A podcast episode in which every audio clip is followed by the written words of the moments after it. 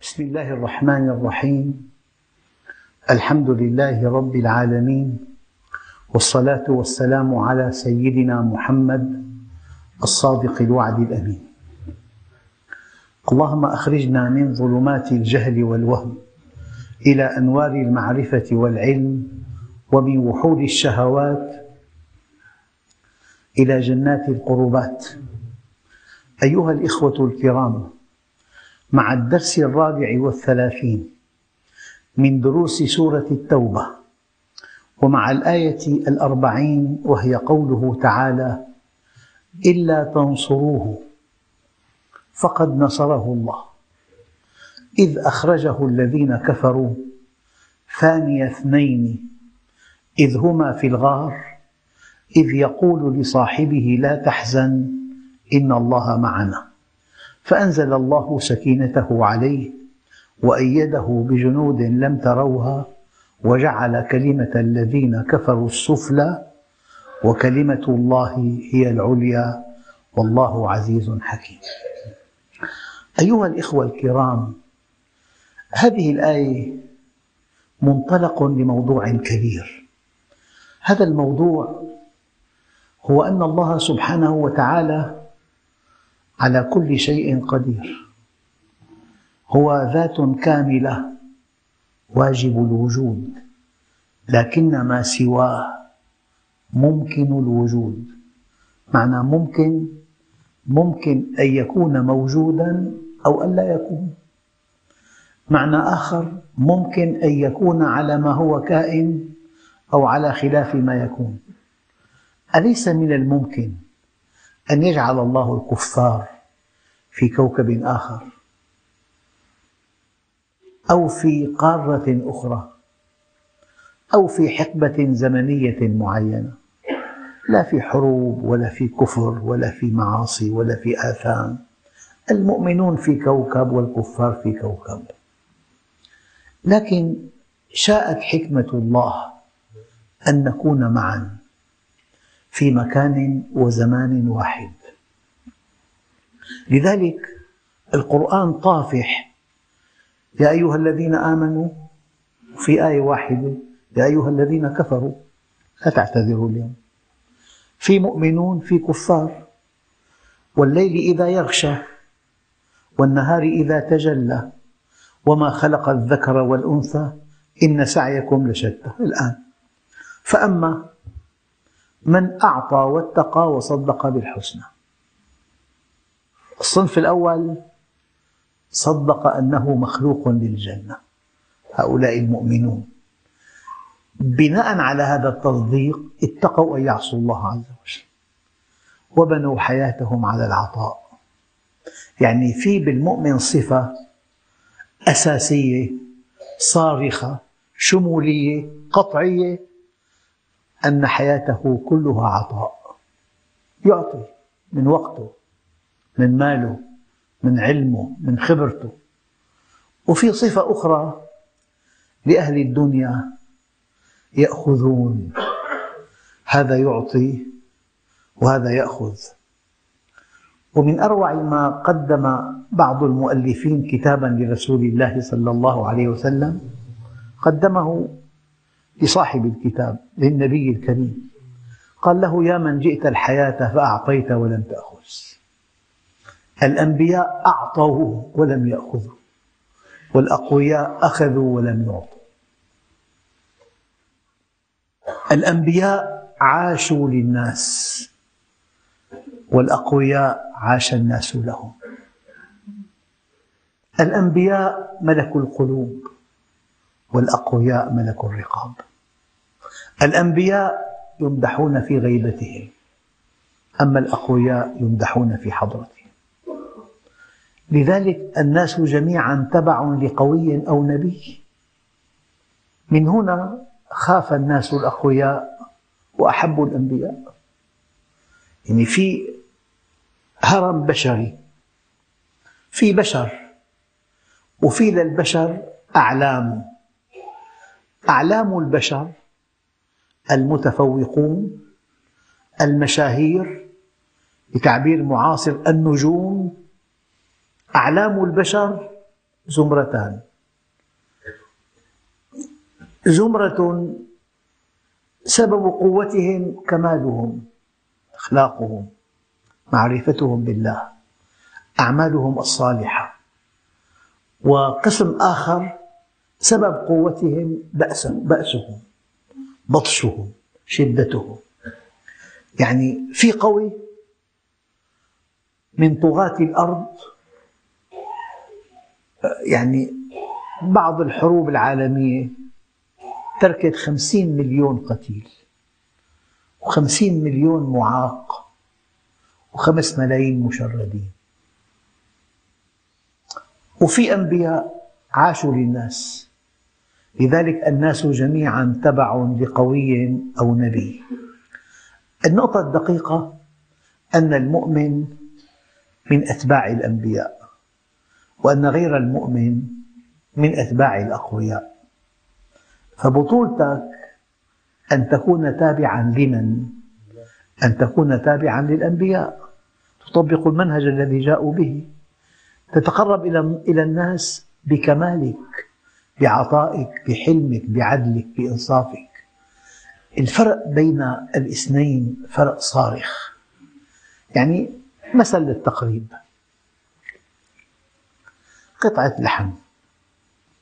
واللحم غذاء أساسي. والإنسان إذا كان جائع جوع شديد يمكن أثمن طعام أن تقدم له لحما مشويا. وفي قطعة لحم متفسخة. رائحتها لخمسين متر تكاد تخرج من جلدك من رائحتها. والقطعتان قطعتا لحم. قطعة لحم تتمنى أن تأكلها وأنت جائع. وقطعة لحم تخرج من جلدك منها من شدة رائحتها النتنة. صدق ولا أبالغ. هكذا البشر. إنسان تتمنى أن تكون معه. تتمنى أن تجالسه. تتمنى أن تكون في خدمته. المؤمنون. تتمنى أن تصاحبه. تتمنى أن تتزوج من بيته.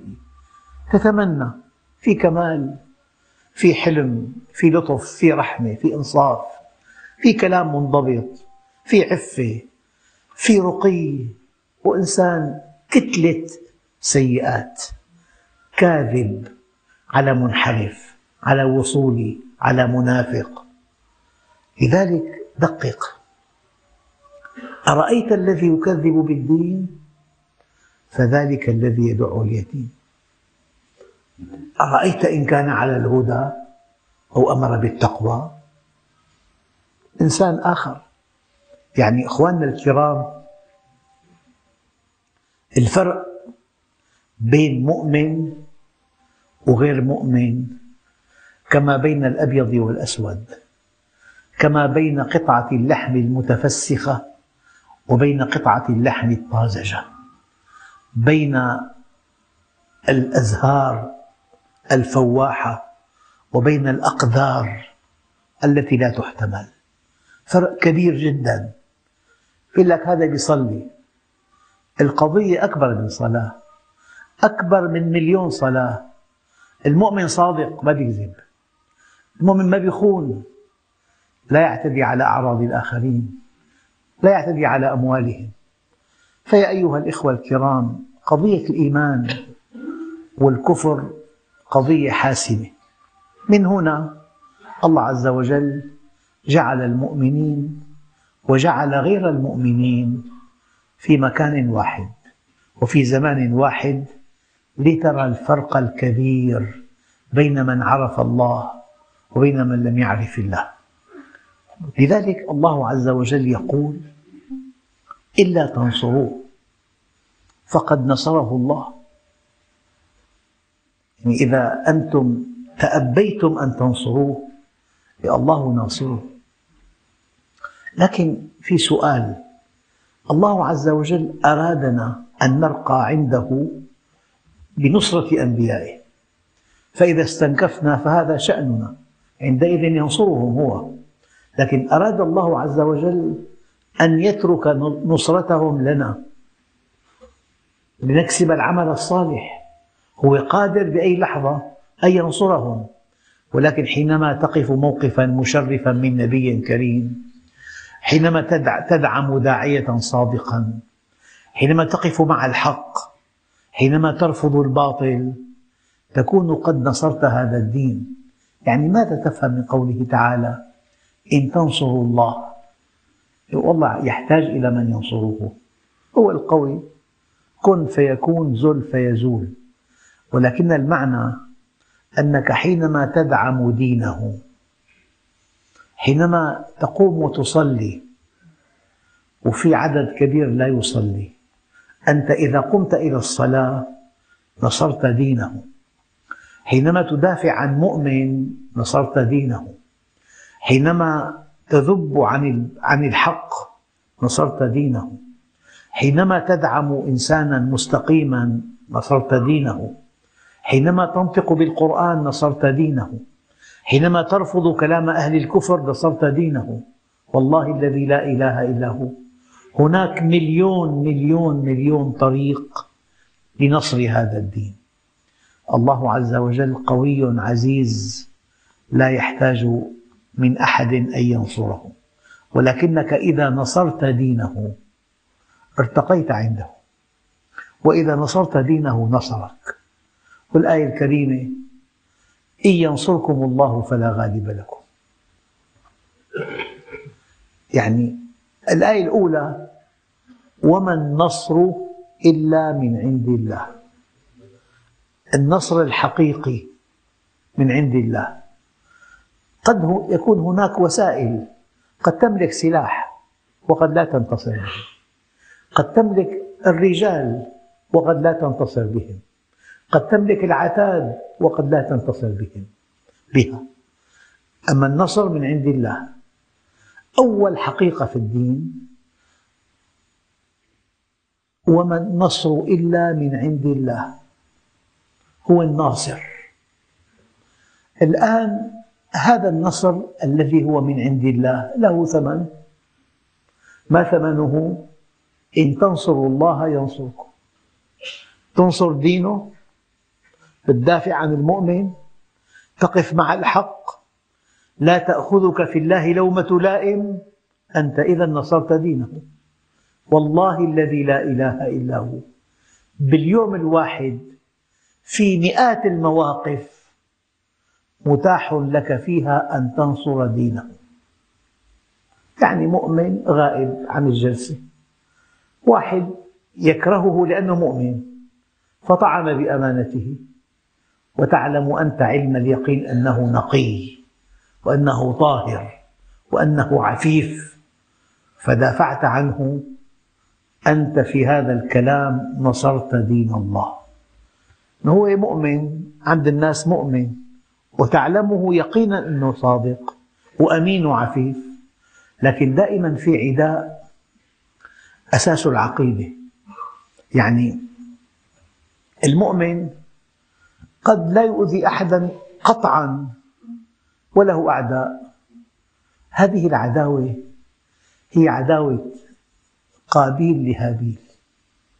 ماذا فعل قابيل؟ قابيل قاتل وهابيل مقتول. ماذا فعل قابيل؟ قاتل؟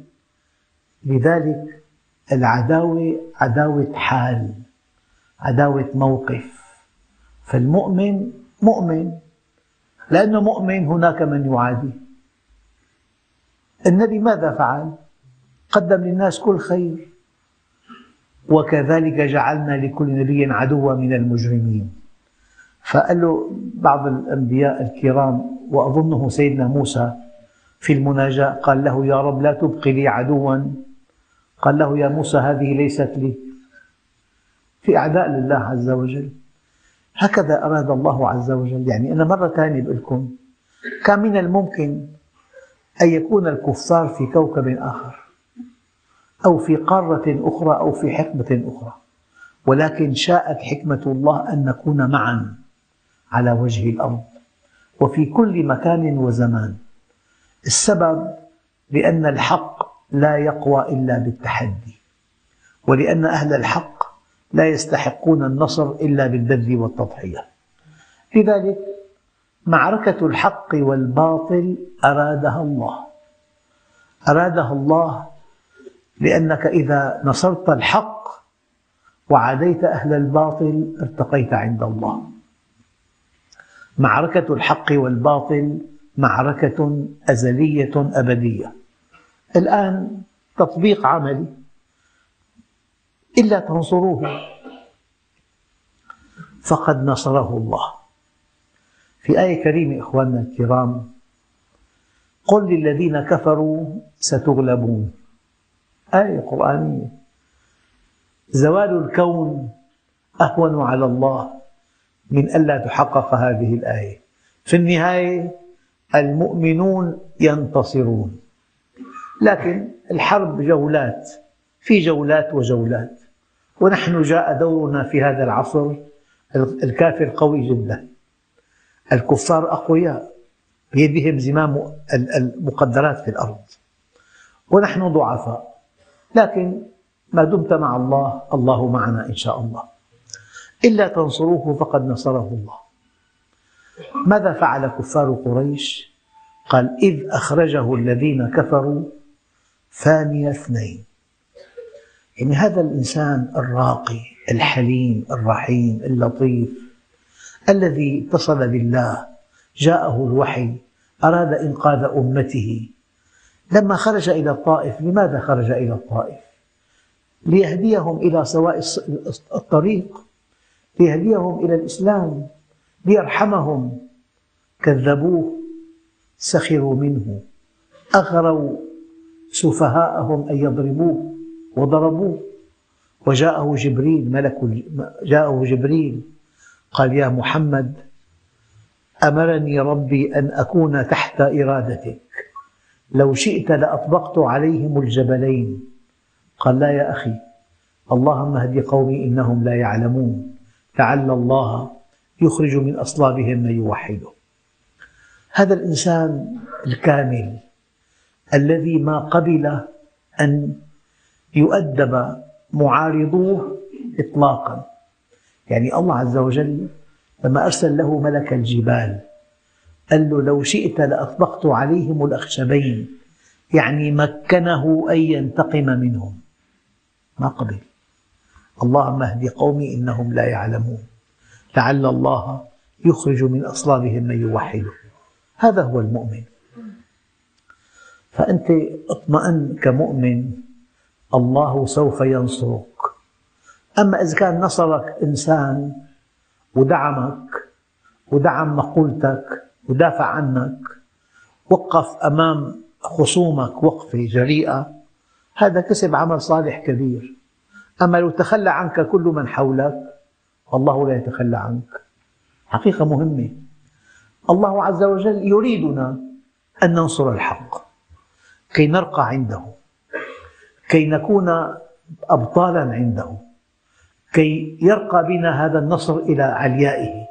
لكن لو تخلينا عن نصرة أهل الحق الله ينصرهم ويستغني عنا بنصرتهم. فأنت إن نصرت أهل الحق من أجل أن ترقى عند الله فقط أما هو سوف ينصرهم. إلا تنصروه فقد نصره الله. إذ أخرجه الذين كفروا.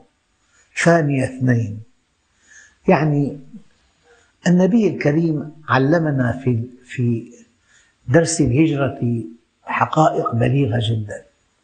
هو كإنسان أخذ بالأسباب.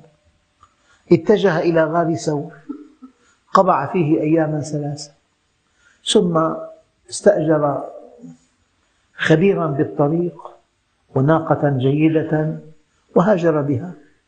يعني أخذ بالأسباب وكأنها كل شيء. اتجه نحو الساحل ليعمي على المطاردين حركته. قبع في غار ثور أياما ثلاثة استأجر دليل للطريق وراحلة أخذ بالأسباب كلها.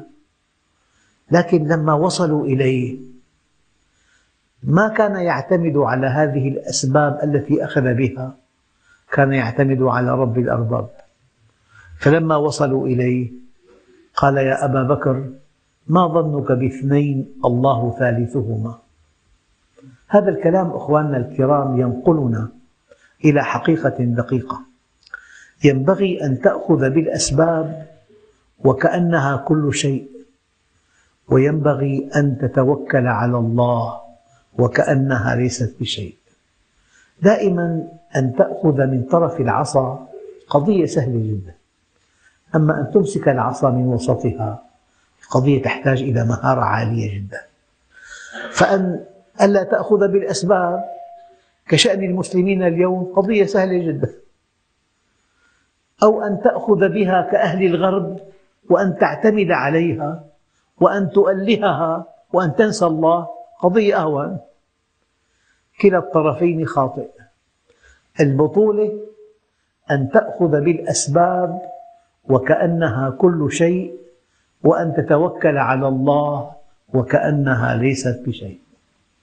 يعني ممكن تقرأ الكتاب المدرسي عدة مرات وتلخصه كله. تحفظه كله. وفي الوقت نفسه وأنت على هذا الإتقان الشديد. من أعماق أعماقك تقول يا رب أنت المسلم. أنت الذي تلهمني الصواب في الامتحان.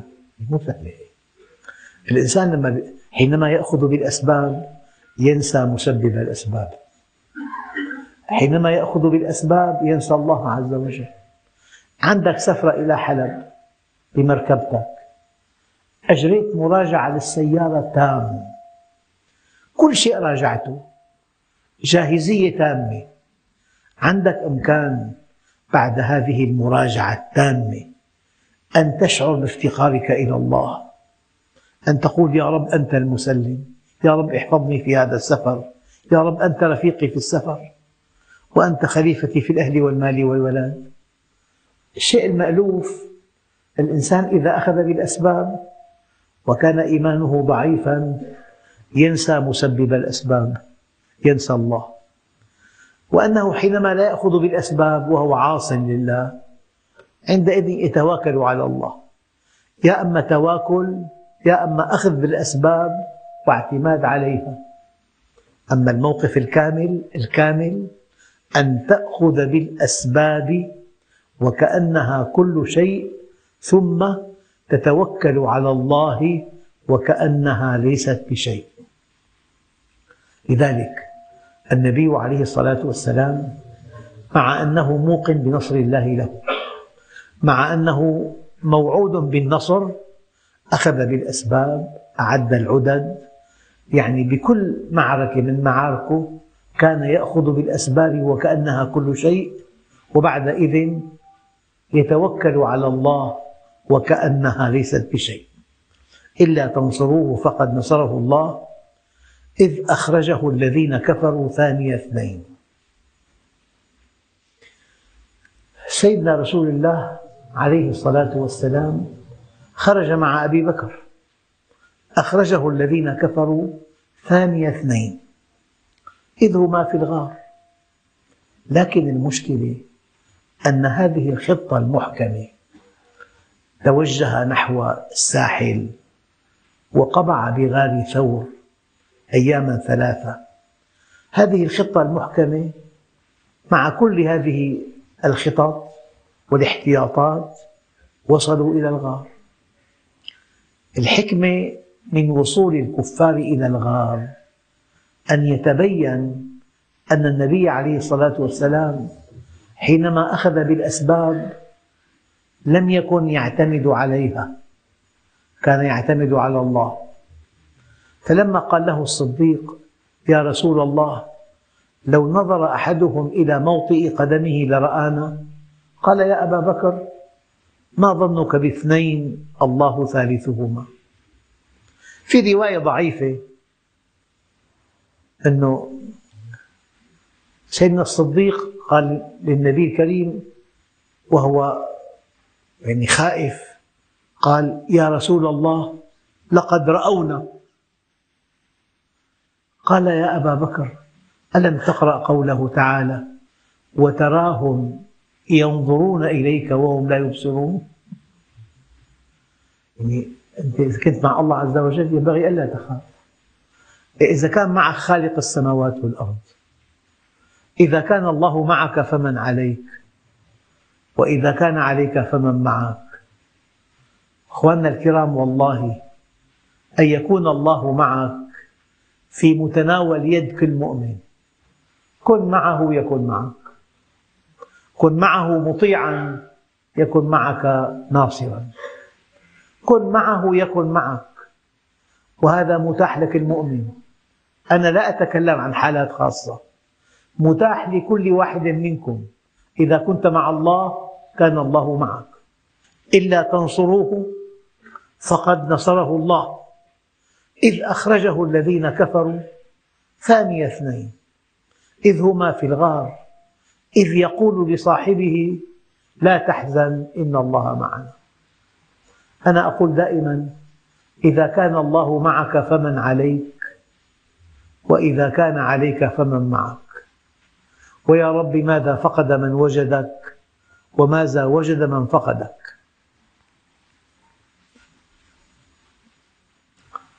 فأنزل الله سكينته. أخواننا الكرام قد تكون قويا وقد تكون غنيا وقد تملك حل لكل مشكلات أهل الأرض.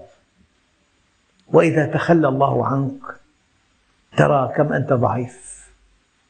وقد تكون ضعيفا. ولا تملك من أهل مما يملك أهل الدنيا شيئا. فإذا كنت مع الله شعرت بقوتك. القوة والضعف قضية نسبية. إن كنت مع الله شعرت بقوتك. وإن كنت بعيدا عن الله شعرت بضعفك. لذلك المؤمن القوي خير وأحب إلى الله من المؤمن الضعيف. كيف يكون المؤمن قويا؟ بالله عز وجل. يستعين بالله يتوكل على الله يستقيم على أمر الله يدعو الله عز وجل. يعني باب الدعاء هناك غفلة عنه كبيرة. وقال ربكم ادعوني أستجب لكم. وما أمرنا أن ندعوه إلا ليستجيب لنا. ادعوني أستجب لكم. والله أيها الإخوة لو فتحتم على أنفسكم هذا الباب الكبير من الخير باب الدعاء.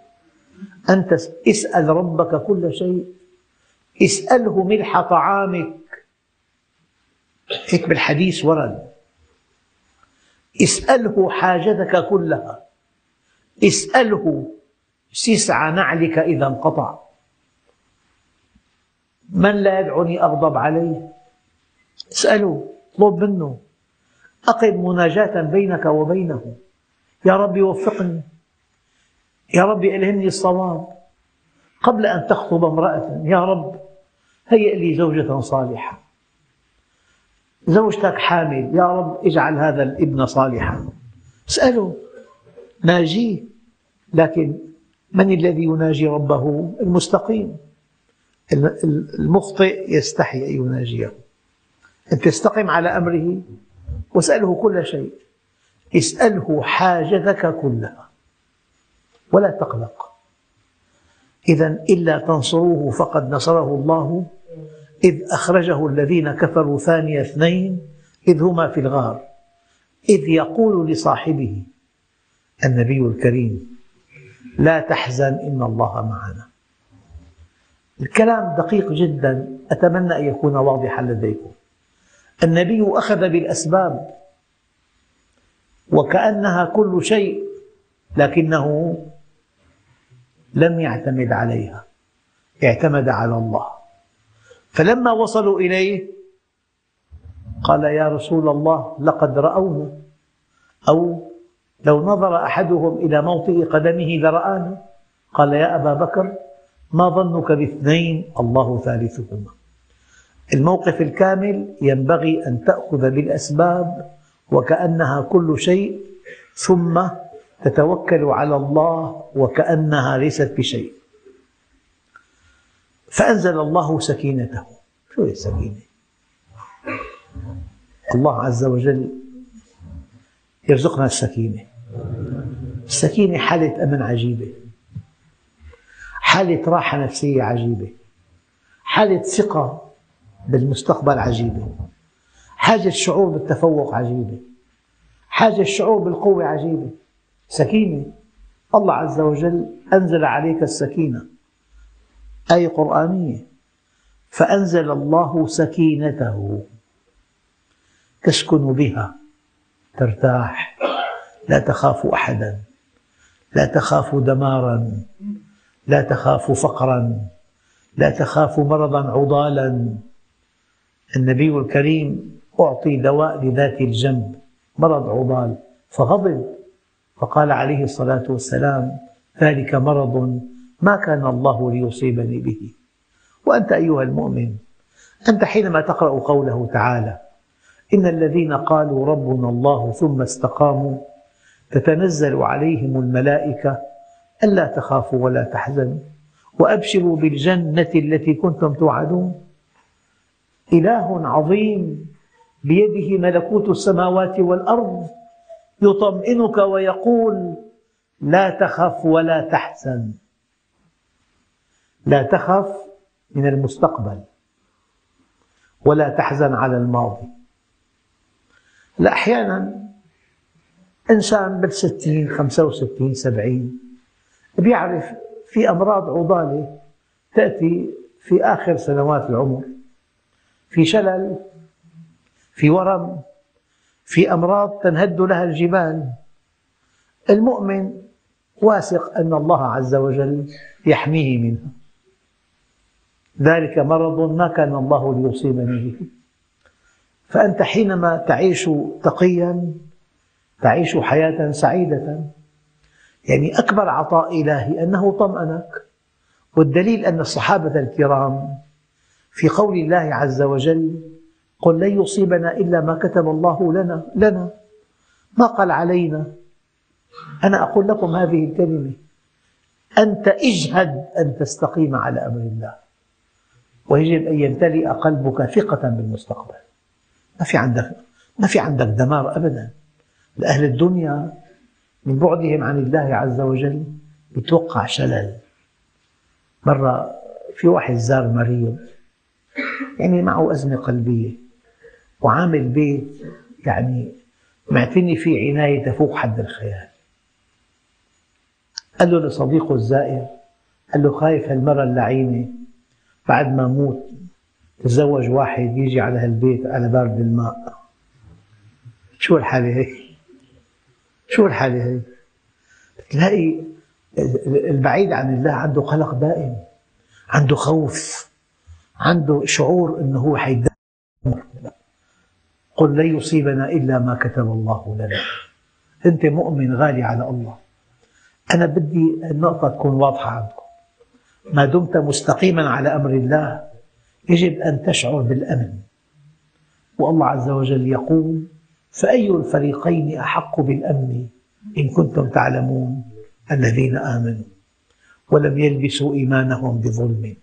أولئك لهم الأمن وهم مهتدون.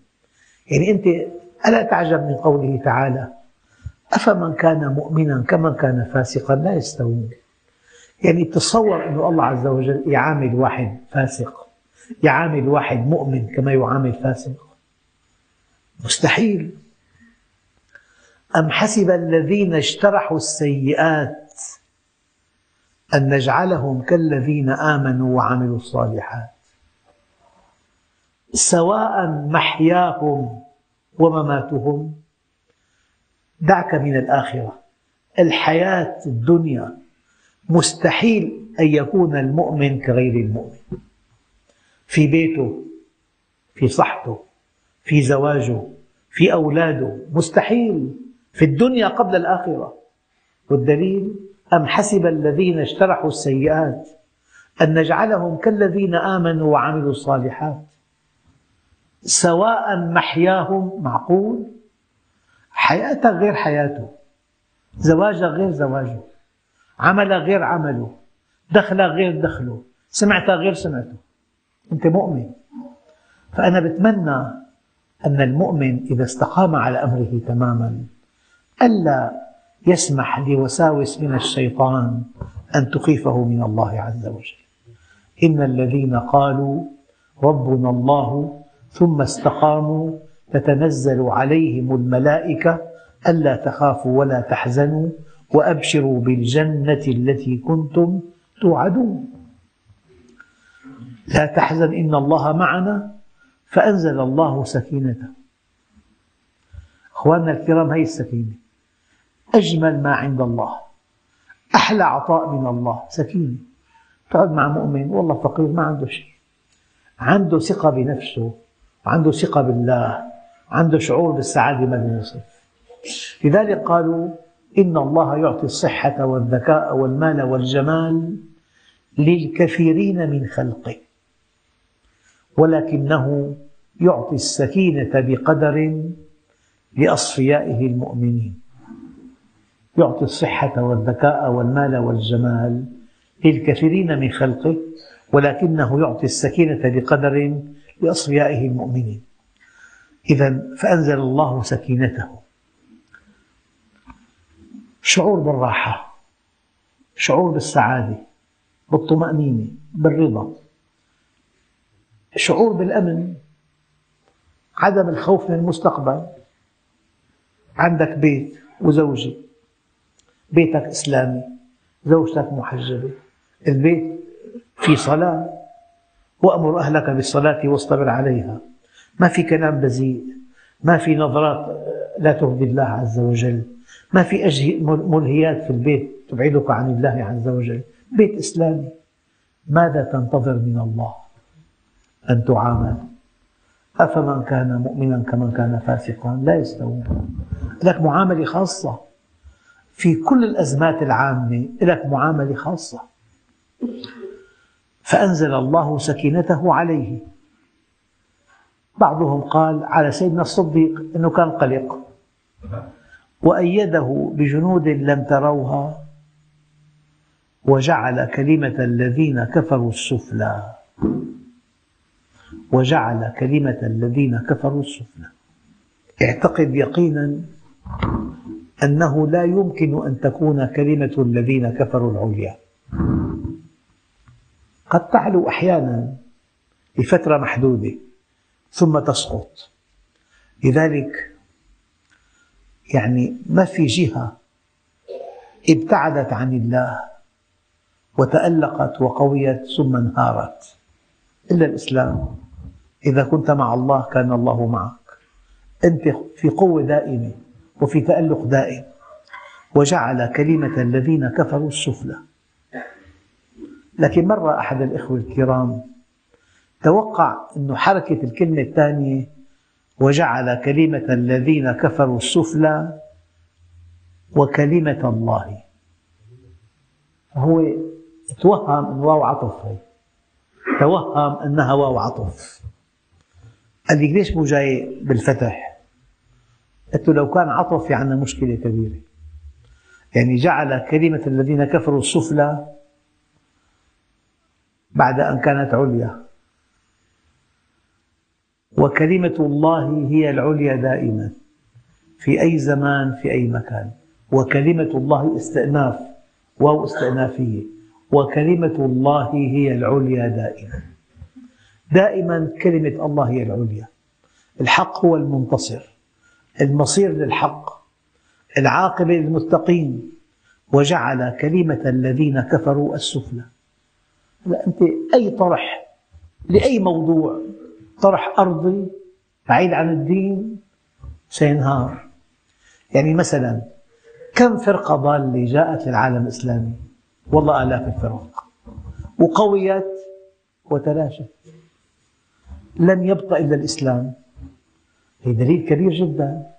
أي فرقة ضالة غيرت وبدلت وانحرفت بعقيدتها؟ وسلوكها تلاشت ولم يبقى على الساحة العامة إلا الإسلام كطود شامخ. وجعل كلمة الذين كفروا السفلى. وكلمة الله هي العليا دائما. جعلها سفلى بينما كلمة الله هي العليا دائما. والله عزيز حكيم. إن شاء الله نتابع هذه الآيات في درس قادم والحمد لله رب العالمين.